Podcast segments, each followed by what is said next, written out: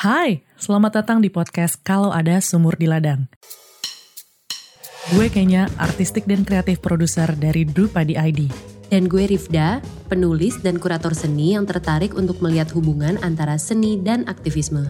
Perbincangan dalam podcast ini adalah obrolan kami dengan para seniman, kurator, penampil, penulis, dan pegiat budaya lainnya untuk mendiskusikan karya-karya mereka dan keterhubungannya dengan realitas dan dunia di sekeliling kita. Kami bertujuan untuk menyisipkan perbincangan akrab mengenai seni dalam kehidupan sehari-hari, menghapuskan jarak antara publik dan dunia seni yang terkadang sulit dipahami. Sambil makan, berkendara, atau melakukan tugas sehari-hari, kamu bisa jadi tahu kenapa sih seniman berkarya dan mengapa seni mempunyai peran penting untuk membayangkan masa depan bersama.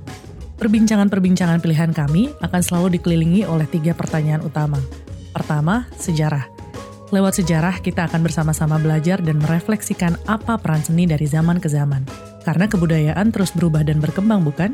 Yang kedua, kolektivisme atau kebersamaan.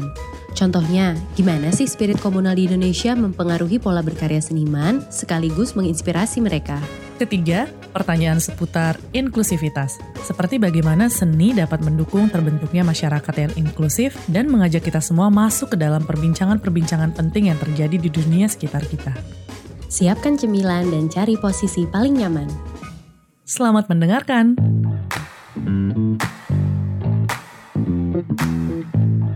Hai guys, kembali lagi sama Rifda dan Kenya di Kalau ada sumur di ladang. Kalau ada sumur di ladang. Kalau ada. Jadi sekarang ada lagi nih. Kebetulan um, akhirnya gue sama Riyandi bertandang ke Lebak Bulus, ke kios Ojo Keos, tempat rumahnya keluarga ERK nih ya yang um, baru banget gue baru pertama kali ke sini dan di sini tempatnya asik banget ada banyak buku-buku, uh, ada coffee shop juga. Di sini gue pengen ngobrol uh, sama Mas Holil, vokalis dari uh, band Efek Rumah Kaca. Ya pasti sudah tahu lah ya, uh, kira-kira Mas Holil Mahmud itu siapa.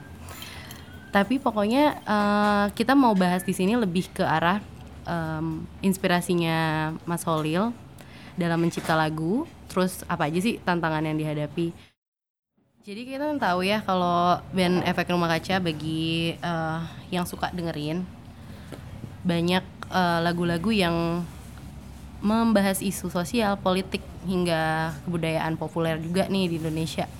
Emang nggak banyak sih band yang uh, ngebahas isu-isu uh, itu gitu. Nah, kalau efek rumah kaca sendiri dulu terkenal awalnya dari ini Andi dari lagu lagu cinta melulu ya itu kan eh, lagu cinta melulu terus habis itu juga gue personally kagum banget semenjak waktu 2005 juga kan keluar tuh lagu di udara hmm. yang memang uh, tentang uh, kasus Munir kan ya waktu itu Terus 2008 juga ada lagu Mosi Tidak Percaya yang akhirnya langsung jadi kayak anthem demo kemarin nih September loh tanggal 23 24 yang pasti semua orang lagi dengerin juga nih akhir-akhir ini. Terus yang bikin gue merinding juga nih karya lagu Bunga dan Tembok yang jadi soundtrack lagu uh, filmnya Istirahatlah Kata-kata. Dan uh, itu dari puisinya uh, Wiji Tukul kan ya. Itu kayak menurut gue sendiri uh, powerful banget. Bisa banget dijadiin uh, gerbang buat diskusi lebih lanjut lanjut mengenai isu HAM, isu sosial, isu politik bukan harus dari yang berkoar-koar aja tapi kita mulai dari uh, hal yang terdekat sama kita itu dari musik. Dan sebagai tambahan informasi, kita melakukan wawancara di dua tempat berbeda. Saya di London dan teman-teman lainnya ada di Jakarta, tapi semoga tidak ada kendala teknis dan pertanyaannya masih bisa nyambung satu sama lain. Oke, okay, uh, langsung aja kali ya ke pertanyaan pertama, pertanyaan pembuka. Uh, gimana sih mas awal mulanya uh, berpikir untuk uh, membicarakan perihal sosial dan politik melalui lirik lagu? Hmm. Kayak itu kan pertanyaan mungkin udah sering ya dijawab, tapi kayak eh udah sering ditanya sama orang gimana. Tapi kita penasarannya tuh trigger awalnya tuh apa sih mas? Uh, sebenarnya triggernya tuh uh, apa ya?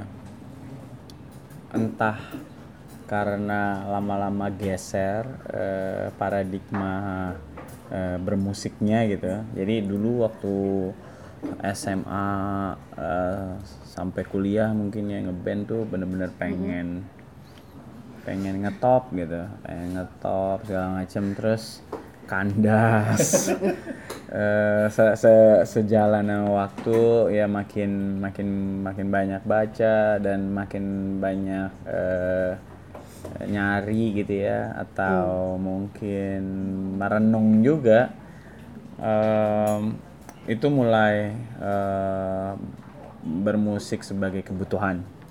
Nah, sebagai kebutuhan itu itu mulai eh, apa ya dari situ mulai apa namanya ya hadir keinginan untuk eh, misalnya orang sering gue baca di interview gitu band-band ditanyain itu musik tuh apa? Musik tuh hidup gua gitu artinya eh, wah musik hidup gua banget. Artinya apa?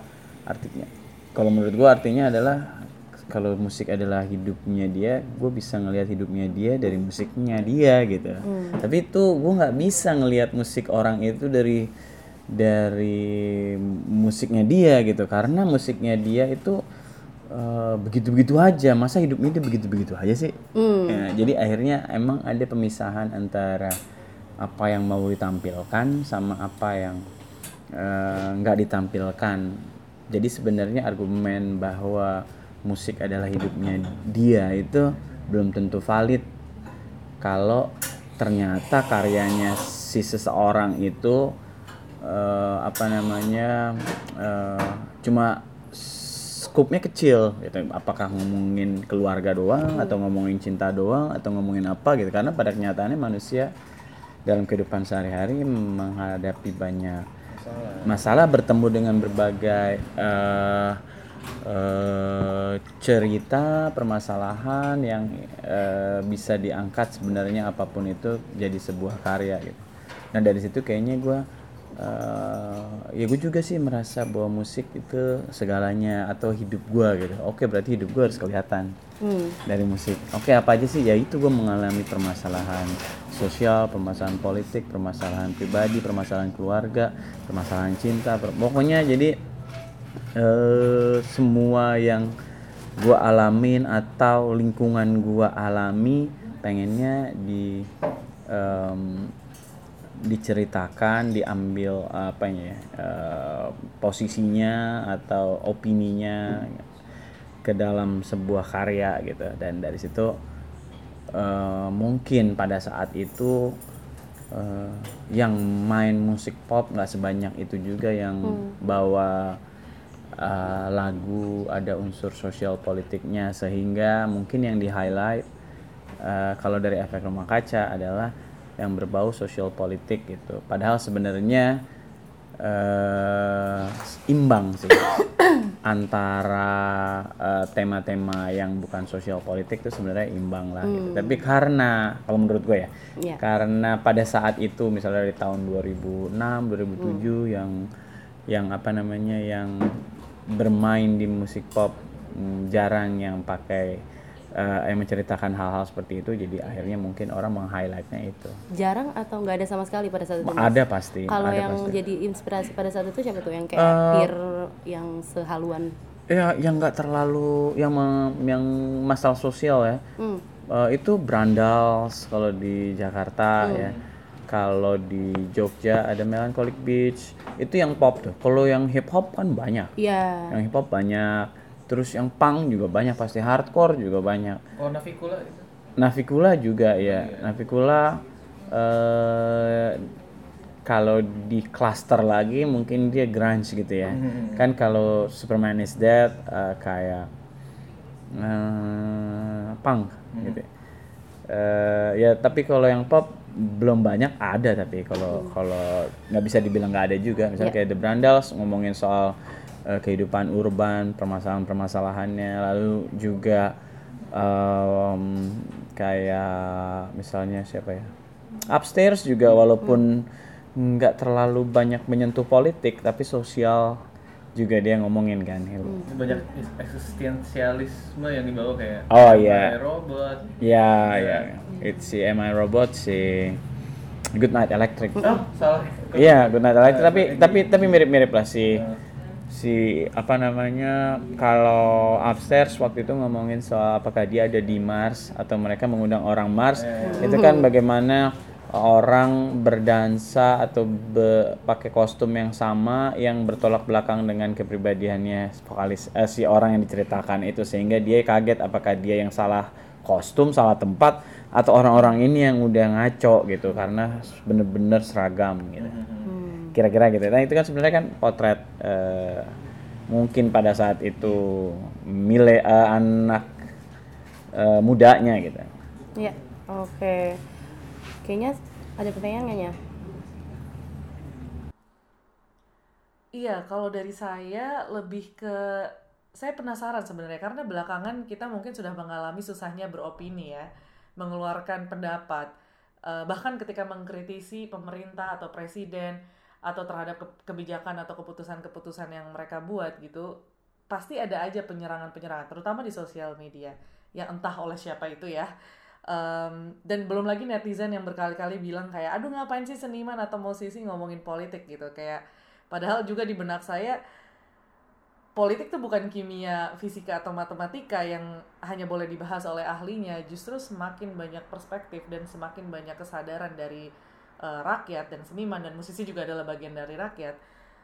Harusnya oke bukan harusnya, sewajarnya memang kita eh, mengemukakan pendapat eh, sebagai bentuk dari demokrasi itu sendiri gitu.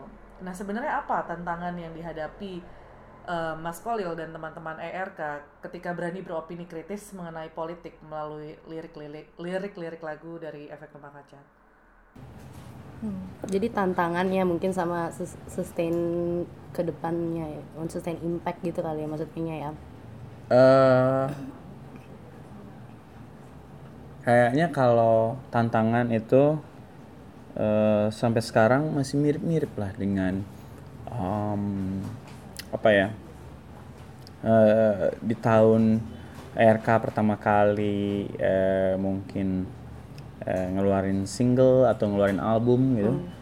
Jadi di saat itu eh, bahwa idiom bahwa musik harus berjarak dengan politik Iya. itu masih kuat gitu karena kita terlalu lama ada dalam kondisi bahwa politik hanya konsumsi elit aja. Masyarakat nggak usah mikirin politik hanya perlu eh, bekerja. Yang penting eh, kondisi ekonomi stabil em, perut aman gitu ya. Nggak usah mikir-mikirin politik. Itu kan udah terpatri selama 32 tahun di masa Orba. Iya. Eh, dan sampai bahkan sampai sekarang eh, secara substansial hal itu belum berjalan sesuai dengan eh, marwah demokrasi gitu. Jadi kalau dulu misalnya contoh di tahun 2006 eh, kalau ada lagu-lagu politik tuh mungkin susah masuk chart Hmm. mungkin susah masuk chart. Mana yang lebih dulu? Apakah eh, label-label melalui ENR-nya, eh, talent scouter-nya, Iya. yang mencari bakatnya itu yang melarang musisi-musisi untuk bikin lagu politik karena susah mendapatkan akses untuk promosi termasuk ke dalam TV atau radio gitu kan. Susah orang nggak mau putar. Eh, walaupun sebenarnya udah lewat masanya kan 98 harusnya itu runtuh juga dong. Karena misalnya kayak itu buku buku di tahun sebelum 98 kan nggak boleh. Setelah 98 jeger buku keluar semua tuh. Tapi musik enggak karena mungkin lebih apa ya lebih kartel pengelolanya ini ya elit-elit aja kalau TV, radio kan kalau buku kan bebas ya, siapa aja bisa nerbitin gitu. Mungkin ya ini dugaan gua. Sehingga apa yang terjadi di dunia buku itu nggak terjadi di dunia em, musik di ranah musik itu. Jadi musik tetap susah kalau yang kecuali yang underground ya, betul. Kalau yang underground mungkin sama. Punk itu wah udah sama ekspresinya, ekspresi politiknya, eh, marah-marah, maki-maki, opini segala lebih bebas. Tapi kalau yang em, eh, apa namanya di ranah yang lebih mainstream memang eh, belum banyak berubah. Jadi misalnya eh, penolakan dari radio kalau lagunya bersifat politik sehingga dia nggak bisa masuk chart, nggak bisa diputer, radio-radio masih banyak sampai bahkan belakangan ini juga masih banyak eh, penyiar radio yang nggak boleh mutar genjer-genjer apa segala macam itu masih berlaku. baru tahu loh itu. Eh masih, masih itu masih ya kira-kira mungkin tiga tahun lalu kasusnya atau empat tahun lalu itu masih ada. Eh, lalu hmm, ya kalau lagu berbau politik susah diputar di TV di radio atau kalau kita baca misalnya komen-komen ya mungkin belakangan udah mulai beda. Jadi aduh musik nggak usah jauh-jauh musik ngapain sih? Ya deket-deket sama politik gitu. Emang musik ya musik aja untuk hiburan aja gitu. Jadi memang apa yang di apa namanya hmm, didesain oleh Orde Baru agar seni itu bukan sebagai pelampiasan emosi atau tempat kita beropini menyatakan pendapat itu eh, seni itu hanya sebagai hiburan gitu ya itu berhasil terpatri di banyak orang. Sehingga walaupun udah ada reformasi tapi karena dia udah hegemonik gitu ya di kepala kita itu sulit kita untuk keluar dari situ. Sehingga respon orang juga banyak yang menganggap bahwa ya musik nggak usah ikut-ikut politik gitu. Dan mungkin itu sedikit berubah di skala keberpihakan kepada pilpres ya dari 2014 sampai 2019 musik dipakai eh, sebagai alat untuk eh, vote getter. ya vote getter. Nah balik lagi ke tahun 2006 ya akhirnya gue cukup eh, berstrategi. Misalnya kalau dalam kasus gue kalau dari proses penciptaannya gue meras gue nonton film eh, berjudul Garuda's Deadly Upgrade. Lalu gue merasa eh, itu filmnya tentang Munir. Ya proses dia waktu sebelum terbunuh dia ngapain ke Belanda mau belajar terus ada masa kecilnya di gimana gitu. Gue juga cuma sebelum nonton film itu gue cuma tahu bahwa Munir adalah aktivis HAM eh, pendiri Kontras dulu bekas bekas LBH lalu em, diracun gitu. Tapi ketika nonton itu gue tahu dia backgroundnya oh dia ternyata masa kecilnya begini-begini. Gue merasa kayaknya orang kayak dia tuh perlu disebarluaskan lebih banyak lagi nggak hanya melalui headline-headline koran tapi medium eh, budaya pop gitu ya. Akhirnya gue buat lagu lah dari situ gue terinspirasi dari situ gue buat lagu. Tapi ketika buat lagu itu gue juga merasa bahwa hegemoni bahwa musik nggak boleh deket-deket dengan politik itu masih ada gitu. jadi gue harus menyiasati itu dengan ya gue nggak menulis satu nama Munir pun di dalam situ. Gue hanya membuat itu kabur eh, berjudul lagunya di udara sehingga ya eh, mungkin penerimaan orang akan berbeda ketika dia tahu bahwa misalnya lagu itu diberi judul Ode untuk Munir akan mendapatkan resistensi dari orang yang punya eh, eh, a- apatisme terhadap politik gitu ya Em, atau penolakan terhadap lagu-lagu bernuansa politik Ya. daripada dengan gue kasih judul di udara. Akhirnya menurut gue ya di udara memang lebih lebih apa ya lebih gampang diterima. gampang diterima atau lebih strategis. Oke. Lebih strategis untuk menjadi eh, karena tujuannya adalah menyebarluaskan eh, semangat Munir ke lebih tingkat lebih jauh lagi.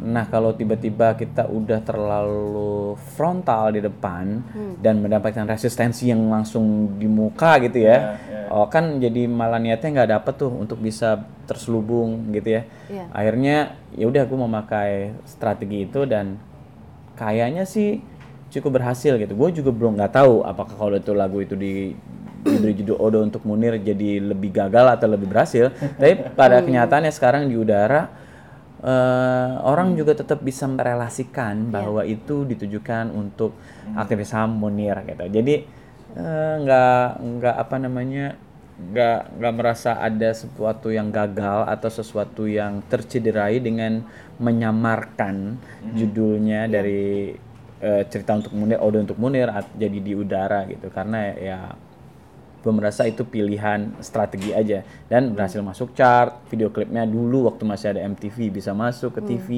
itu sedikit banyak mungkin eh, membantu juga untuk menyebarluaskan eh, gagasan atau apa yang ingin disampaikan dari lagu.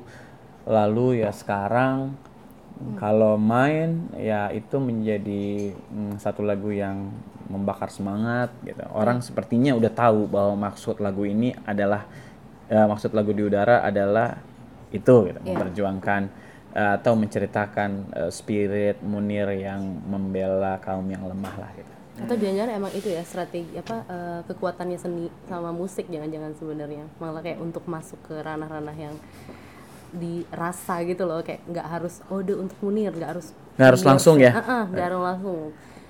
I- iya sebenarnya sebenarnya kalau kalau bahwa musik punya peran lebih mudah, lebih masif untuk menyebarluaskan gagasan, iya. Karena dia tuh apa ya? Karena dia tuh lebih gampang dimengerti.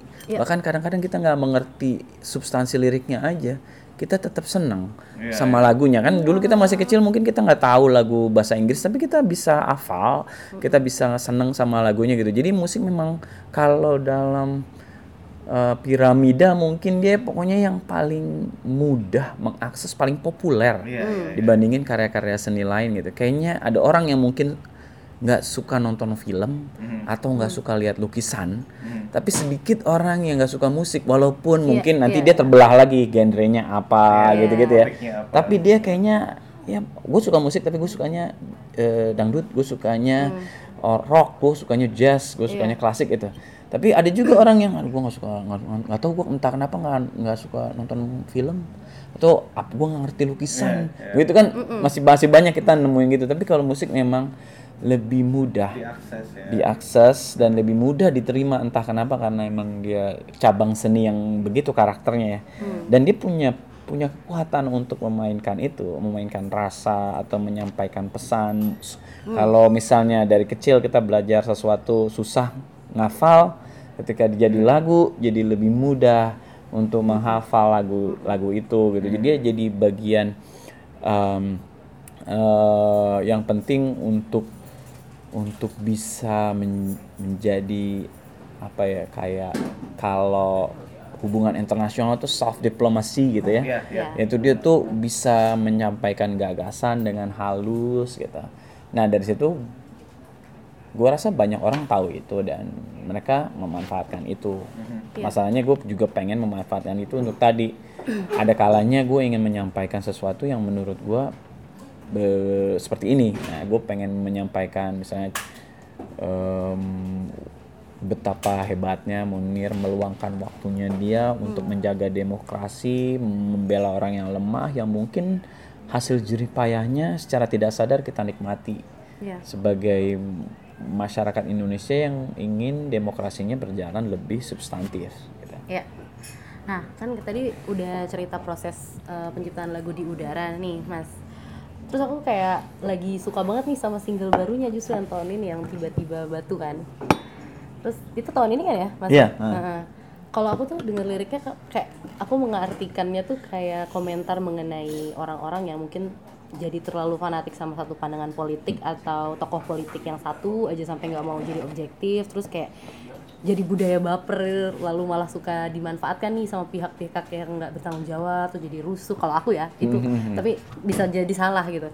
Soalnya ada lirik yang eh, batu bisa jadi fondasi terus bahaya bila dilumuti kebencian di sana sini apalagi di organisasi. Itu kalau yang aku dapat kalau awal bener nggak sih mas kalau eh, maknanya sebenarnya awal inspirasinya nulis itu tuh kepikirannya apa sih Iya ke- sebenarnya persis seperti yang uh, udah lo ceritain. Jadi gue merasa bahwa uh, secara uh, garis besar gitu ya, kalau balik mundur ke belakang perbedaan antara um, tahun 2006 yang gue bilang tadi politik masih menjadi hambatan karena orang itu terlalu uh, hegemoni uh, orde baru yang melarang politik terlibat dalam kehidupan kita itu udah begitu kuat ya. Tetapi di 2018, 2019, 2014 yang apa namanya uh, praktis uh, kita udah melakukan pilpres langsung lalu eh, 2019 kita melakukan lagi itu juga ternyata nggak sesubstansial itu. Percakapannya itu hanya banyak yang formalitas gitu. Jadi apa sih yang dimaksud dengan keterlibatan politik? Keterlibatan politik tuh eh, ikut pemilu kah? Atau gimana? Atau bayar komentar di internet? Iya itu itu. Jadi eh, sebenarnya gue merasa bahwa mm, harusnya kita bisa lebih jauh dari itu gitu untuk keterlibatan politik. Nah dari situ gue merasa bahwa eh, gue suka ada diskursus yang lebih tinggi tentang politik di di ranah apa pun di offline atau online gitu ya. Karena sebenarnya memang itu eh, eh, semangat demokrasi. Orang punya keterlibatan politik yang tinggi bahwa politik itu bukan hanya lima tahunan tapi politik itu akan mengikat lu sehari-hari gitu. Jadi itu harus kita lakukan percakapan itu ada diskusi itu ada sehingga kita juga makin tajam makin substansial eh, apa namanya eh, percakapan politiknya menuju ke eh, negara yang jauh lebih demokratis demokratis gitu ya.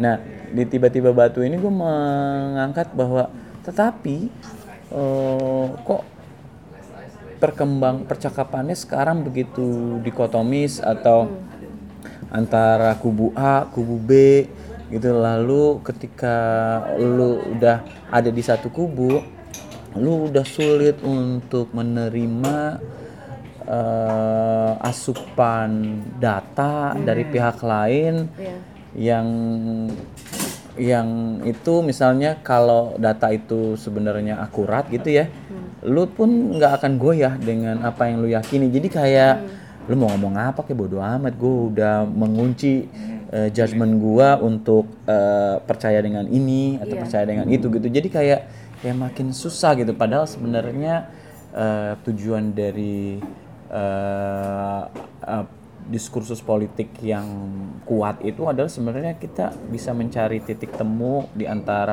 eh, hal-hal yang belum di- pernah dibicarakan itu gitu. Tapi ketika udah dikunci dengan jawaban-jawaban yang eh, berdasarkan data yang lemah, menurut gue itu eh, sebuah eh, bukan eh, tanda-tanda bagus dalam arah demokrasi gitu ya.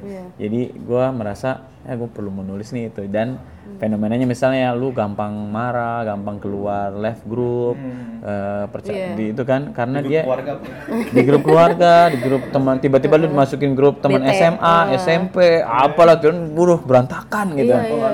Heeh, kayak gitu-gitu. Itu kan sebenarnya mungkin termasuk gue juga gitu ya bahwa kita eh, begitu eh, muaknya dengan eh, apa namanya mm, percakapan politik yang seperti ini gitu. Walaupun sebenarnya gue merasa bersyukur kita bisa bercakap-cakap seperti ini gitu. Dulu kan kita nggak bisa melakukan percakapan ini. Ini sebuah rahmat kita bisa ta- sampai tahap ini dan mungkin memang jalannya eh, seperti ini ada distorsi di mana-mana, ada hoax tuh sehingga itu kita harus lebih pintar lagi memilih mana yang layak kita jadikan sumber mana yang enggak gitu.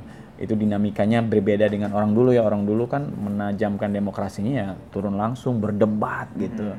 Kalau sekarang ternyata distorsinya ada dunia maya, ada anonimitas, Iya. segala macam itu jadi mempengaruhi gitu. Tapi ya itu dinamika sekarang gitu. Kita harus cari jalan keluar yang lain. challenge Tapi- baru kan itu. Iya, tapi bahwa kita sekarang punya suara itu eh, hal yang harus kita syukuri, kita pertahankan. Gimana caranya jangan sampai demi memenangkan eh, paham politik tertentu kita membungkam eh, syarat-syarat demokrasi itu sendiri gitu. Anak buah de- eh, bayi-bayi demokrasi bahwa kita punya suara itu kan di- bisa bisa terjadi karena demokrasi terjadi gitu. Jadi jangan sampai kita malah ingin membungkam orang lain, tapi Iya, juga kayak gitu-gitu tuh. Jadi yang gue merasa dan apalagi kalau terus dia bisa dimanfaatkan, jadi emang kayak pion banget gitu. Kayak orang-orang yang udah bodoh karena dia udah terkunci eh, beliefsnya atau keyakinannya, terus ya diorganisasikan bahaya gitu. ya batu itu ya Iya, Eh, tiba-tiba bah- batu loh Iya. Iya. Kamu? Gue merasa gitu itu bahaya gitu. Jadi emang gue nggak menawarkan sesuatu yang bisa menyelesaikan itu gitu ya. Tapi paling nggak gue merasa bahwa eh, ini ada sesuatu hal yang salah gitu. M- Kita mesti cari jawabannya kalau gue kalau gue Iya. pribadi gitu sih. Iya itu annoying banget sih kalau tahu sesuatu eh, atau opini dari kerabat-kerabat terdekat terus taunya dari mana dari WhatsApp udah gitu langsung di forward gitu kayak aduh bahaya banget kan. Eh, kalau gue pribadi sebenarnya gue pengen eh, karya bisa jadi satu eh, awal mula dari percakapan gitu percakapan atas eh, opini yang disampaikan gitu. Jadi bisa setuju bisa enggak tapi itu bisa men-trigger eh, nanti mau jadi apa nih mau jadi orang kalau dia denger dia jadi pengen baca ya berarti itu bisa men-trigger sesuatu hal untuk dilakukan oleh orang yang dengar gitu. Eh, lalu kayak gue juga sebenarnya gue kan waktu buat lagu banyak terinspirasi dari karya orang lain juga dari cerita atau misalnya dari baca kayak gitu-gitu. Itu kan juga dari karya orang lain yang menginspirasi gue untuk bikin sesuatu. Jadi kayaknya emang siklusnya gitu. Dan dan gue merasa senang bila itu bisa menjadi sebuah awal percakapan gitu. Dari situ orang eh, nggak harus jadi kayaknya mix antara apakah yang mau diambil sisi emosionalnya atau intelektualnya karena ketika ada uh, orang mau cari tahu tentang makna lagu kira-kira itu apa yang bekerja dari situ apa yang membuat orang mau cari tahu apakah karena sisi emosional gue suka lagunya Iya. jadi gue tertantang untuk mau cari tahu ini lagu tentang apa ya Iya. gitu itu kan sebenarnya eh, kemampuan kemampuan seni musik menggugah orang untuk mau bergerak eh, melakukan hal kecil sih mungkin nggak akan mengubah dunia tapi dia bisa ada satu hal yang bisa terjadi karena mendengarkan musik itu itu efeknya gitu ya. Eh, nah dari situ gue pikir hmm, itu udah sangat cukup karena eh, nggak bisa juga kayak musik diberikan beban yang lebih berat lagi untuk bisa melakukan sesuatu gitu. Eh, jadi memang gue pikir banyak karya seni juga punya punya dampak yang berbeda-beda kepada para pendengar atau penikmat ya, sehingga dia bisa menggerakkan orang gitu sedikit atau banyak eh, sesuai kadarnya masing-masing. Hmm, dari emosional bisa menuju ke intellectual discussion malah ma- walaupun nggak harus dari yang hal paling kecil tapi di trigger dari emotion Iya, atau atau kebalik. Iya, Nah, bisa, bisa. dua-duanya ya sebenarnya ya malah ya. Oke. Kamu mau nanya? Iya. Host boleh nggak izin nih? Ada apa ya ini audiens sih? ya udah Aku silakan tertarik silakan. sama eh, tadi kan ngomongin tahun 80-an dari 35 tahun itu. Oh zaman Orba. Yang dari aku tahu, aku nggak hidup tahun itu, tapi aku tahu sejauh sampai 80-an di mana waktu itu eh, musik-musik Indonesia yang ku denger itu eh, kaya gitu rasanya.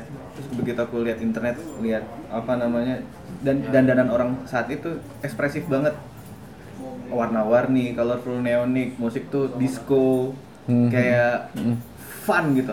Hmm. Aku nggak tahu tuh kalau grassrootsnya seperti apa zaman itu tadi eh, Mas Khalil bilang apakah itu ada hubungannya untuk menjauhkan masyarakat dari politik jadi musik ini dikasih yang fun atau akses eh, informasinya saat itu emang musik-musik yang seperti itu yang masuk Indonesia. Nah akhirnya diskursus yang pengen gue adalah gini, what is pop anyway gitu. Maksudnya yang dikatakan pop dari sudut pandang musik itu yang seperti apa sih? Apakah yang populer atau yang menyuarakan suara populis gitu? Hmm. Berat juga pertanyaannya. Eh, sepengetahuan gue ya, sepengetahuan gue upaya-upaya untuk eh, eh, menyuarakan hal-hal politik dalam musik populer selalu ada dari tahun ke tahun, dari masa ke masa. Dan tapi eh, bedanya adalah mereka melakukan pembungkaman itu, gitu. Kalau eh, apa namanya Iwan Fals dulu nggak bisa konser nggak bisa di kan dulu liriknya Umar Bakri apa terus kayak hmm, banyak lah ya kayak memotret pot- eh, keadaan sosial yang mungkin itu bisa men-trigger kemarahan, memicu kemarahan orang. Dan nantinya bisa berujung pada misalnya provokasi gitu ya. Dulu berhasil diredam dengan eh, misalnya kasetnya nggak susah diakses gitu ya, lalu eh, nggak bisa tampil di televisi, radio-radio jarang yang muter gitu. Ah, tapi mungkin efek apa namanya balon ya, kalau ditekan dia akan menyebar gitu. Nah itu dia sebarannya sebarannya di grassroots jadi makin luas gitu karena mungkin ada tekanan itu. Itu terjadi nggak hanya Iwan Fals kan banyak terus misalnya kayak Roma Irama Iya. juga nggak boleh tampil di TV gondrong lah apalah gitu. Dulu terafiliasi dengan partai politik tertentu. Dulu bukan Golkar dulu dia P3 lalu Hari Rusli. Itu selalu ada. Filosofi club ya. Ya selalu ada eh, filosofi geng. Eh filosofi club ya. Ya dia selalu jadi berhasil selalu mm, musisi itu mm, selalu lahir lah yang ingin menyuarakan eh, eh, lagu-lagu ber bikin lagu politik gitu ya. Dan tapi sampai selama Soeharto berkuasa itu berhasil diredam gitu. Jadi musik yang beredar saat itu eh, itu lebih banyak yang memang apa ya bertujuan untuk membuat eh, masyarakat terlena atau hiburan aja gitu jadi nggak ada nggak ada unsur politik di dalamnya nggak ada unsur bisa menggugah pendengarnya untuk melakukan sesuatu hal yang lebih daripada sekedar mendengarkan musik. Walaupun sebenarnya ketika dia melemahkan pemerintah juga turun tangan. Jadi pemerintah tuh turun eh, untuk melarang musik cengeng di tahun 80-an 80-an akhir. Jadi di era-era progressive rock atau krisye atau apa segala macam itu eh, musik pop mulai disco masuk ya, tapi juga di sisi yang lain itu ada musik yang mungkin kalau sekarang rootsnya itu eh, pop yang sendu gitu ya Iya. sendu tuh jadi waktu itu Harmoko mengeluarkan eh, keputusan Menteri Penerangan mungkin yang untuk melarang menarik lagu-lagu yang cengeng. Cengeng tuh pengertiannya gimana mas? Cengeng itu lagunya kayak lamentasi gitu. Mengapa diriku begini kayak gitu-gitu.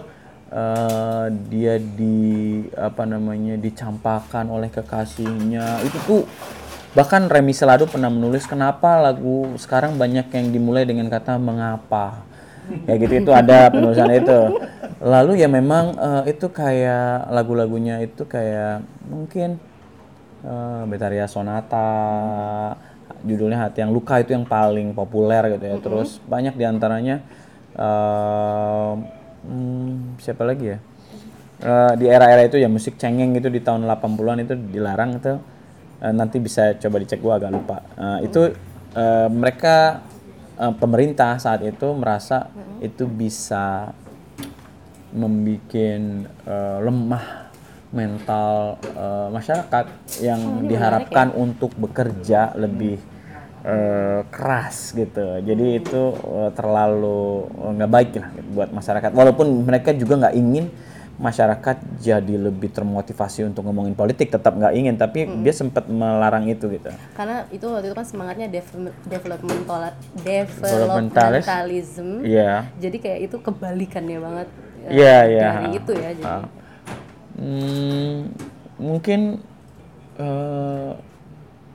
mungkin juga hal-hal yang diterapkan di sinetron bahwa kita punya mimpi gitu itu yang yang yang terjadi di di apa namanya di musik di era-era itu gitu. Bahwa kita ya uh, kalaupun hidup kita susah kita tetap bahagia karena kita punya harapan walaupun belum jelas harapannya apa gitu ya. Gitu karena uh, itu adalah eskapis pelarian kita atas himpitan uh, ekonomi atau apa pun itu gitu.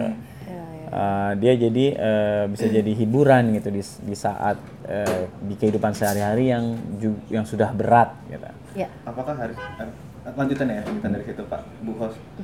Jadi maksudnya aku lihat kan dari tiap tahun itu dari tiap negara juga akhirnya eh, musik sendiri tuh tiap zaman ya mengalami tantangan yang berbeda ada yang ada masa-masa kayak contohnya Mas tadi saya lihat kayak dalam menye- dalam menyampaikan politik lewat musik juga harus lewat dengan cara politik dengan strategi Hmm. untuk nyampein pesannya. Nah, eh, berarti kan dari situ sebenarnya usaha-usaha untuk pembungkaman konten-konten tertentu itu selalu ada gitu.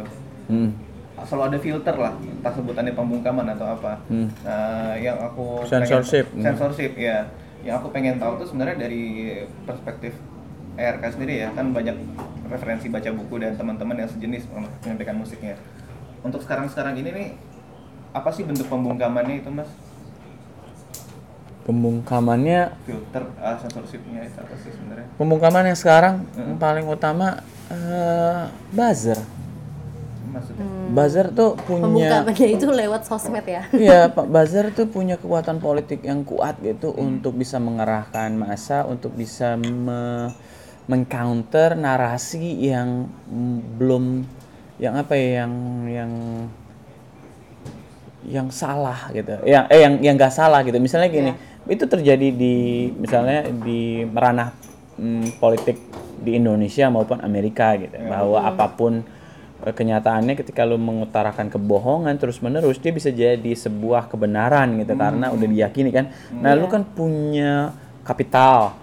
Lu mengerahkan orang apakah itu orang atau bot gitu ya. Tapi itu menjadi eh, eh, meramaikan ranah digital dan sangat mengganggu untuk kita memveri untuk kita jadi tahu mana sebenarnya yang eh, informasi yang valid atau yang nggak valid itu merusak demokrasi gitu. Jadi ketika kita dibanjiri dengan informasi-informasi yang nggak valid dan itu dipercaya orang karena orang malas untuk memverifikasi atau nggak punya nggak berdaya untuk melakukan verifikasi sehingga eh, apa namanya menganggap itu sebuah kebenaran akhirnya itu jadi sebuah kebenaran. Dan ketika dia merasa kebenarannya dia terus orang akan tergerak kan untuk mengcounter itu terlepas itu benar atau enggak apa yang dia tahu gitu ya. Dan itu menghambat demokrasi menghanggap seperti tadi tiba-tiba itu sebenarnya me- menghambat percakapan yang lebih sehat dan substantif untuk eh, terciptanya demokrasi yang lebih sehat gitu. Apakah pernah terjadi di lagu-lagu yang ARK ciptakan gitu fenomena itu? Em, terjadi sih gue gini gue tuh eh, nggak terlalu main sosial media tapi ya memantau. Memantau karena emang pengen ya kayak sama aja kayak baca koran kayak baca gue mau baca baca opini-opini orang gitu. Jadi eh, apa ya kalau dalam konteks gua mem- dalam waktu belakangan ini gua memicu kontroversi sih enggak ya? Memicu kontroversi sih kayaknya gua enggak deh. Tiba-tiba batu juga slow-slow aja nggak membuat orang bagaimana bagaimana gitu tapi mungkin ada eh, apa namanya pandangan-pandangan tertentu yang misalnya nih contoh kasus ya eh, RK terlibat di reformasi di korupsi Ya. dari situ eh, RK melakukan oh, kayak eh, ikut aksi lalu ikut acara-acara yang digagas oleh eh, tim reformasi di korupsi untuk me- untuk apa namanya menjadi eh, pengisi acara baik diskusi maupun eh, perform gitu ya lalu dari situ orang ah, yang sentimennya negatif akan bilang bahwa ah, dia mah SJW nih gitu bahwa Nah, itu SJW itu adalah Tanya juga tuh nanti. sebuah hal yang sebuah hal yang udah bengkok uh, Iya. artinya itu juga sebuah hal yang problematik gitu tapi ya itu udah jadi eh, kayak label yang negatif gitu. Padahal gue sih nggak ada masalah juga. Lu gue nggak nggak peduli mau diomongin apa gitu ya, karena gue merasa yakin yang gue percaya ini dan gue eh, turun gitu. Dan gue cukup tahu argumentasi dasar mereka apa gitu.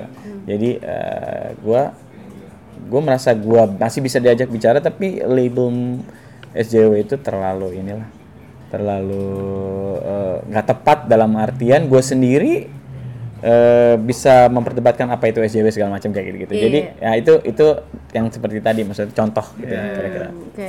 Nah, itu nyambung nih ke yang barusan diobrolin Mas. Kan ya maksudnya emang akhirnya banyak nih teman-teman yang terinspirasi dari lagu-lagu juga dari aksi RK sendiri ikut ke reformasi di korupsi. Terus eh, mungkin ada yang kayak oh gue juga tergerak nih, gue pengen juga gitu melakukan sesuatu. Kalau misalkan dia musisi juga, gitu, menurut Mas Holil seberapa penting sih bagi musisi itu untuk ikut aksi langsung gitu, untuk terlibat?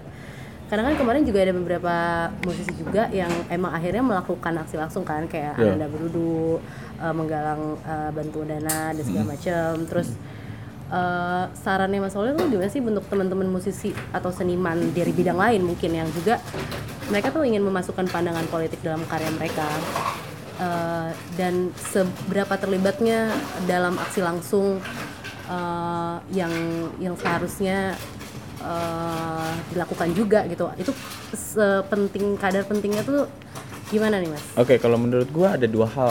Ya. Eh, apa namanya eh, arah estetik masing-masing musisi itu bisa beda-beda. Ya, Tapi eh, sebagai warga yang eh, mau nggak mau sudah memakai sistem demokrasi, eh, partisipasi politik itu adalah hal yang utama. Nggak nggak melihat apakah dia itu seniman atau dia pekerja kantoran atau dia pegawai bank. Partisipasi politik itu keniscayaan karena sistemnya dari rakyat oleh rakyat untuk rakyat. Dia memaksa kita untuk terlibat aktif setiap hari, bukan lima tahun sekali, setiap hari dalam bentuk macam-macam. Nggak harus ikut partai politik, bisa memantau kinerja pemerintah, bisa memberikan masukan kepada pemerintah ataupun DPR, bisa menjadi teman kepada pengadilan, ada namanya eh, sahabat pengadilan, bisa menjadi apa pun eh, terlibat dalam politik mulai dari kelurahan, Karang Taruna, eh, kecamatan, kabupaten, kota segala macam itu terlibat aktif. Lalu juga sampai ke berdemonstrasi karena memang itu eh, apa namanya ya semangat demokrasi dan apa yang udah kita dapat ini, yang udah kita punya harus dibuat jadi lebih baik, jadi lebih substansif, bukan hanya formalitas pemilu kita demokratis, banyak orang yang milih tingkatnya, padahal sebenarnya itu masa ada koruptor terpilih, kan kayaknya aneh. Kalau ada orang yang satu desa, satu wilayah, satu kota yang mem- walaupun udah tersangka korupsi, tapi tetap dipilih sama masyarakat, kan berarti sebenarnya emang kita punya perbedaan nilai-nilai. Iya. Ngapain kita punya bisa ada dalam satu negara dengan orang-orang yang nilai-nilainya udah jauh berbeda. Bahwa dia memilih koruptor kita enggak gitu. Padahal sebenarnya kan kecuali masyarakat memang udah nggak tahu kalau dia korup ditutup-tutupin informasinya gitu kan. Artinya eh, orang itu nggak tahu gitu ya. Tapi kalau ini orang udah tahu dia koruptor tapi tetap terpilih itu kan artinya eh, dia punya nilai yang berbeda masyarakat tersebut. Nah atau jangan-jangan memang pemi- eh, partisipasi politiknya kita hanya formalitas. Jadi hanya datang pemilu itu aja 70% orang atau 60% orang mencoblos udah partisipasi politik tertinggi di Asia atau apalah itu yang superlatif ya. Kita hebat gitu. Tapi sebenarnya secara substansial orang nggak ngerti dia harus ngapain, apa yang harus diperjuangkan dari demokrasi, apa yang harus ada sebagai syarat-syarat utama demokrasi itu orang nggak tahu. Jadi cuma taunya pemilihan pemilihan pilpres. Sekarang udah lebih baik lagi, advance lagi pilpres langsung. Yang itu juga mau dicabut mungkin kalau oligarki ini bekerja dengan eh, apa namanya ya serakah gitu ya rakus dia akan mencoba mencabut banyak hasil-hasil dari demokrasi gitu termasuk di antaranya presiden dipilih langsung atau presiden dua periode gitu ya nah balik lagi ke yang tadi eh, soal pemilu yang lebih substansif nah sebagai masyarakat kita harus eh, terlibat itu semua karena kita memakai sistem demokrasi. Jadi bukan sebagai seniman ya. Di mana di dalam masyarakat itu ada yang seniman, ada yang pegawai bank, ada yang segala macam ya. Nah dari situ ketika dia bikin karya, kalau memang lu pengen bikin karya yang ada urusan sama musiknya, eh sama politiknya, ya sok silahkan gitu bikin karena eh, lu merasa panggilan jiwa ke situ. Tapi kalau lu yang mau menggali hal-hal yang lebih eksistensialis atau pribadi, karena kan sebenarnya paham bahwa em, private is uh, politik, personal is politik itu Iya. itu juga juga ada dan eksis gitu ya. Eh, bisa juga jadi nggak harus dipaksakan untuk menjadi mema- mengada-adakan unsur-unsur politik ke dalam eh, karya kita gitu.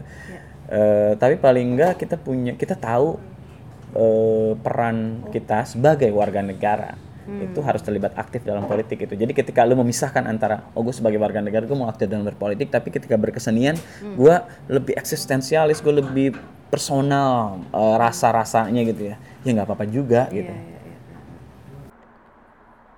Nah ini pas banget nih sama pertanyaan yang mau saya ajukan sekarang. Ketika ngebahas tentang pilihan-pilihan eh, atau alasan juga kepentingan dalam berkarya gitu. Eh, terutama lagi-lagi di sosial media ketika semua orang sudah sangat bebas berpendapat, beropini, kemudian bebas berekspresi gitu.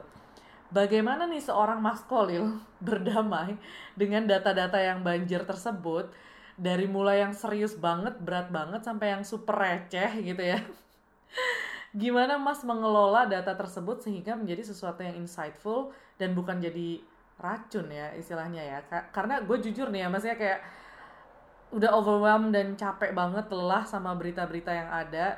Em, tapi sebenarnya pengen tahu apa yang biasanya Mas lakukan sih gitu. Ini ini buat generasi muda gue rasa penting banget sih kayak eh, Mas kayaknya udah lebih bijak gitu dalam mengelola em, penggunaan teknologi di kapasitas sosial media ini. Waduh gila Oh ini untuk share ke kita juga ya Nya?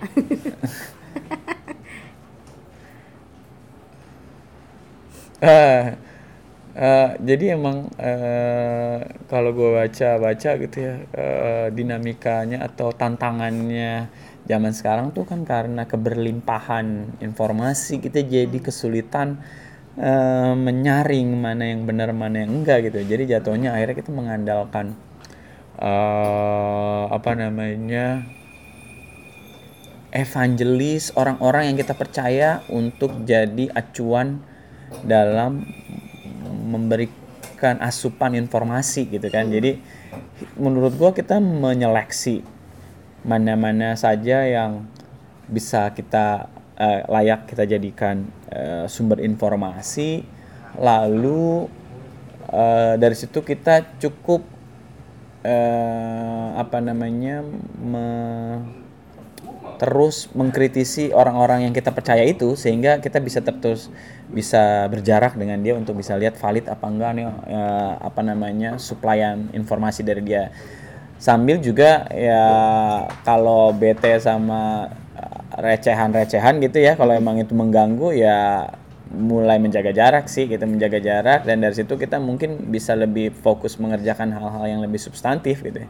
Tapi kadang-kadang kalau kebanyakan begitu juga berat eh, pusing ya menurut gua kadang tergantung karakter orang ya kadang-kadang memang suka recehan gitu. Jadi memang itu kan eh, kadang-kadang mood kita juga kita suka recehan juga. Jadi kalau menurut gue sih gua eh, apa yang baru kita embrace sambil kita pikir apa yang perlu gitu ya. Apa yang perlu dari yang baru tapi yang lama jangan sampai hilang menurut gua. Apa pun ya. Misalnya eh, dengan adanya eh, informasi berita yang kayak gini kan eh, habit habit baca buku tetap ada habit nonton film tetap ada kayak gitu-gitu. Jadi emang diperkaya jangan lebih dipersempit dengan ternyata durasi kita megang handphone itu hampir 12 jam sejak bangun tidur. Bahkan bangun tidur tidur lagi bangun lagi masih megang handphone juga kayak gitu-gitu kan. Itu kan sebenarnya kayak eh, mengokupasi hampir sebagian besar hidup kita gitu. Dan kita terisolasi di situ gitu. Menurut gua itu sumber juga sih sumber permasalahan gitu. Kita jadi eh terkungkung di apalagi dengan metode algoritma yang yang gitu-gitu aja kan lingkarannya circle-nya kayak jadi kita bener-bener bubble bubble kita kita nggak tahu ada apa di luar gitu. Eh apakah itu membantu buat eh, teman-teman yang dengerin ini? Nggak tahu juga sih tapi gue mempraktekkan itulah gue berusaha Itu gue berusaha untuk embrace dan pertama embrace apa pun yang terjadi di luar gitu ya tapi juga sambil eh, ya mengkritisi. Lalu gue mengandalkan orang-orang yang memang bisa gue percaya gitu. Kalau media ya udah gue beberapa yang ketahuan eh, motif politik atau ekonomi sehingga membuat dia bias oh ya gue enggak gitu ya Eh, kayak gitu-gitu. Dia mulai menyeleksi walaupun ada yang baru kita terima apa Tapi gitu-gitu. bukan nerima gitu aja ya. Iya, kita harus iya. tahu juga nih. Dan yang yang lama pun, yang lama pun menurut gua harus kita challenge. Misalnya Tirto nih, Tirto BU nggak nih? Kalau BU nanti dia dijual sahamnya ke siapa, lalu dia lalu dia lean ke mana, kayak gitu-gitu kita juga perlu tahu gitu. Tapi paling nggak yang kita jagain, yang kita kritisi itu eh, nggak banyak gitu, karena kita mengandalkan orang-orang yang eh, lembaga-lembaga yang cukup kredibel, yang punya metode yang baik. Misalnya kalau jurnalistik kalau dia media ya dia ikutin metode jurnalistik yang baik gitu ya. Yes, jadi kita ya cukup percaya dia verifikasi bahwa kenetralan itu mungkin mm, nggak ada tapi paling nggak dia eh, berimbang gitu. Orang kan pasti juga punya hasrat gitu ya. Jadi si media itu kan dijalankan oleh orang-orang. Pasti dia punya hasrat yang lean ke mana gitu ya. Mungkin juga dia nggak netral gitu kan karena memang mungkin sulit sulit mencari kenetralan. Tapi paling nggak dia berusaha berimbang memberikan suara ke banyak pihak gitu.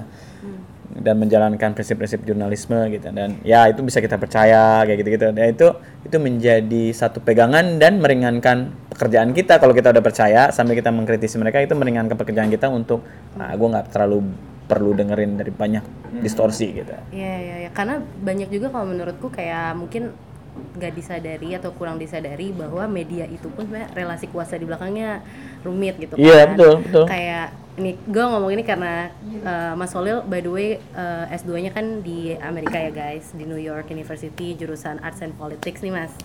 Terus gue misalnya kan sekarang lagi heboh banget nih di Amerika impeachment beritanya si Trump itu kan juga ada dua kubu media yang kalau di situ tuh mungkin lebih jelas ya eh, misalkan Fox News yang lebih mengarah ke eh, membela Trump terus yang CNN dan leftist lainnya teman-teman yang lebih eh, anti Trump kayak gitu. Nah gue lebih penasarannya karena mas kalau tadi ngomongin media juga eh, waktu sekolah di NYU tuh em, gimana itu mempengaruhi cara pandang Mas Holil juga mengenai seni dan politik? Kayak apa sih perbedaannya kalau yang Mas Holil observe waktu sekolah di sana eh, pola seniman atau musisi di Amerika kayak menyu- dalam menyuarakan pandangan politik mereka sama eh, seniman dan musisi di Indonesia gitu. Ada nggak sih mas? Hmm, kalau mereka ya sebagai eh, siapa pun itu seniman atau nggak seniman dia ekspresif. Ya. karena memang dari kecil orang udah di encourage untuk mengekspresikan dirinya mereka gitu. Mereka itu percaya diri untuk jualan kalau menurut gua. Eh, seniman-seniman sana kayak percaya diri banget. Bahkan kalau nulis email tuh kalau lulus dari mana gitu ada di situ. Apakah dia cum laude kah? Apakah dia semua cum laude? Itu kayak kayaknya cuek aja emang memasarkan dirinya dia. Gue gak tau teman-teman lo gitu nggak Iya sih. Iya kan? Iya kan? Maksudnya mereka tuh kayak percaya diri banget untuk ya ini gue tempat gue jualan gitu. Kalau kita kan masih aduh nggak enak ya apa kayak gitu-gitu. Ya, enggak di sana mereka dan mereka ekspresif. Walaupun kadang-kadang ekspresi itu eh, mereka tuh banyak omong belum tentu perlu juga kayak lu nggak baca apa ya kok lu tanyain hal-hal gini kayak gitu gitu padahal ya emang bahasa Inggrisnya bagus tapi secara pemikiran belum tentu bagus juga Oh, That's gitu what I Menurut- feel juga. ya eh, banyak hal yang karena dia boleh berekspresi akhirnya dia berekspresi dengan menanyakan hal-hal yang nggak perlu ditanyain juga kadang-kadang gitu. Jadi mereka tapi itu sebuah ya bisa positif bisa negatif ya. Tapi kalau Pengalaman di kelas ya. iya itu itu di kelas ya. Misalnya eh, itu kan nanti akan terjun ke kita bisa lihat bagaimana praktik-praktik berkeseniannya dia karena itu kan. Akhirnya kalau orang yang dalam yang deep ya dia nggak banyak tanya tapi karyanya bagus gitu. Kalau orang yang banyak tanya ya karyanya ya segitu-gitu aja gitu. Ah, maksudnya kalau dia banyak tanya karena ternyata dia nggak banyak baca ya akhirnya begitu begitu begitu aja gitu. Ya sebenarnya eh, nggak banyak. Kalau eh, pencapaian eh, keartisan gitu ya eh, eh, banyak yang biasa-biasa aja gitu. Tapi karena kalau menurut gua bisa jadi terlalu banyak bubble di New York itu isinya seniman-seniman bubble ini bubble itu bubble itu. Jadi mungkin kita nggak ketemu orangnya. Yang di sini yang di bawah yang sedang-sedang aja. Yang di sana ada yang bagus paling satu dua. Yang di sana ad- yang di bubble yang lain ada yang bagus satu dua satu dua satu dua. Mungkin mereka yang bagus-bagus itu terkoneksi. Tapi yang yang kelasnya menengah itu saking banyaknya akhirnya ya eh, punya bubble sendiri-sendiri yang mungkin kalau dilihat ah, ini mah udah ada di Indonesia nih gitu. Orang seniman yang lebih hebat dari mereka tapi nggak terdengar aja sampai sini gitu. Kira-kira ya kalau datang ke pameran nggak selalu eh, memukau semuanya gitu. Tapi karena di sana iklim berkeseniannya tinggi dan eksperimentasi itu dijunjung tinggi jadi akibatnya itu baik sebagai iklim buat buat si seniman untuk berkembang. Karena benar-benar eksperimen tuh di apa sih di ya dirayakan gitu. Dirayakan sehingga akan terjadi penemuan-penemuan baru tuh jadi lebih kemungkinannya jadi lebih banyak dibandingin yang eh, orang apa namanya kontemplasi sendirian. Kalau kontemplasi sendirian kan ya dia nggak ada temen gitu. Kalau ini ada temen wah si ini bikin karya kayak gini. Oh gini. Ah gue pengen juga. Gue gue belokin ke sini gitu. Akhirnya dari situ dia jadi sebuah bola salju untuk jadi wave gitu kan. Jadi wave gede. Ini kalau musik ya karakternya mirip-mirip mirip New York scene kayak gini. New York hardcore kayak gini Washington hardcore kayak gini. Itu kan karena memang ada di satu iklim gitu. Dan eh, Eh, kalau di avant-garde di New York juga kuat karena memang ya banyak yang orang pada lari ke New York untuk bisa saring eh, eksperimen gitu. Nah iklim itu yang mungkin kalau di tempat yang musisinya nggak banyak atau seniman yang nggak banyak ya jadi lebih lambat gitu. Jadi Oh, eh, apa namanya kalau gue lihat sih dia eh, sangat eh, apa namanya menerima atau bahkan mengembrace mus- eh, seniman-seniman untuk eksperimen. Dan kalau untuk eh, yang gue melihat karena kita pakai sistem yang mirip-mirip sebenarnya demokrasi gitu ya sama-sama demokrasi mereka udah jauh lebih lama mereka udah tahu kapan mereka harus eh, terlibat.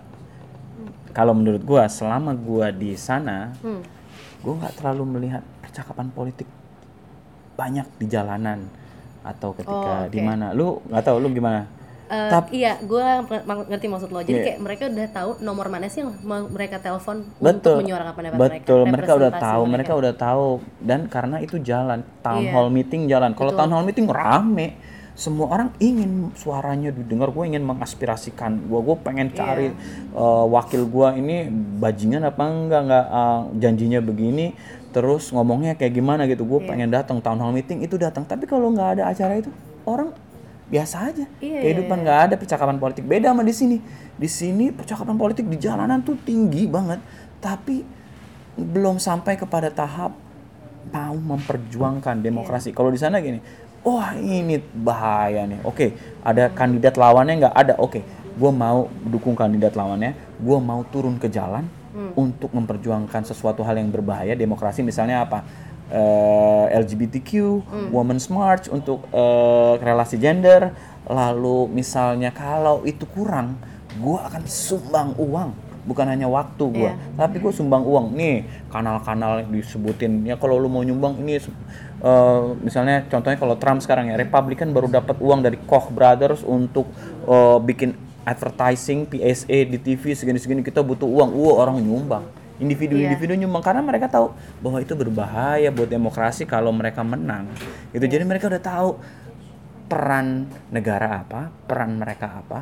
Di luar itu silent aja biasa nggak ada percakapan politik. Kalau di sini kan sebenarnya kayak mungkin argumennya kalau dari pemerintah, oh kan kita udah ada musrembang, terus kita ada uh, musyawarah eh, dari level RT RW gitu loh. Betul, betul. Nah cuma pada praktiknya nih mungkin uh, apa ya gimana? Belum Prakteknya belum jalan karena efektif. memang karena memang kesadaran masyarakat untuk berpolitik bukan berpolitik dah.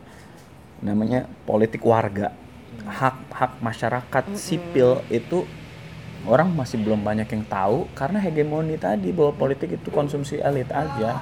Lu masyarakat pikirin kerja aja selama ekonomi bisa eh, stabil udah lu nggak perlu pusing-pusing rumit lagi politik gitu kan Iya itunya. iya iya. huh. Oke kayaknya.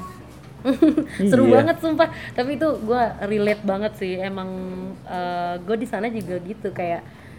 Gue nggak tahu nih eh, di London gimana. eh, Oh iya di ini. London kan sekarang juga lagi.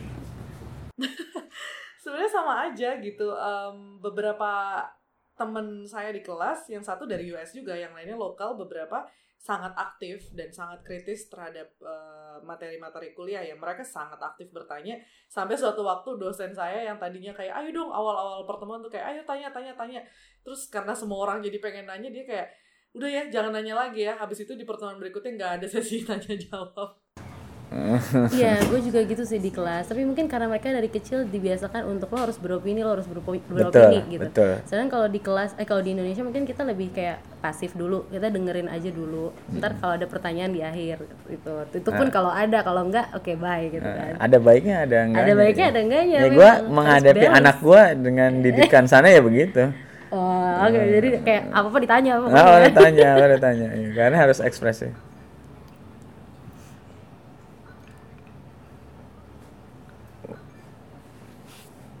Iya dong. Buku. Mm. Atau yang lo lagi kepikiran dan kayaknya orang harus penting baca deh di masa sekarang ini gitu. Hmm. Apa ya? Langsung kita melihat buku-buku di sini banyak Kalau banget puisi, gue suka em, rekaman terakhir Beckett eh, yang buat Ari Pahala Huta Barat yang nulis. Kalau hmm, eh, apa ya? Kalau penulis sastra, gue suka Yusi Avianto Parianom, gue suka Eka Kurniawan. Kalau Yusi Yusi em, rumah kopi singa tertawa kumpulan cerpen. Kalau gue suka Danarto eh, Gottlob dia eh, kayak eh, surrealis gitu eh, puisi-puisi surrealis atau novel-novel cerita-cerita pe- cerpen no, surrealis. Kalau luar gue suka Arundhati Roy The God of Small Things Oh, aku Gua lagi baca suka- juga Ronda Teriro yang Jupiter. yang baru ya Nah, ya. dia ada yang baru lagi ada novel tadi tapi juga nulis yang eh, apa namanya non fiksi banyak kan Hmm. ada gue suka hmm, Juno Diaz yang Juno Diaz. eh, Oscar Wilde Eh, apa lagi ya Wah, itu eh, quality book semua guys yang disebutkan. Dan lo bisa nggak beli di kios ojek kios? Di ada kios ada beberapa nih kalau yang God of Small Things ada ter- ter- terjemahan. Juno. Diaz ada terjemahan. gue suka Iwan Supang, Iwan Simatupang juga. Eh, Ziarah ada di sini. Eh, yang tadi gue sebutin ada beberapa.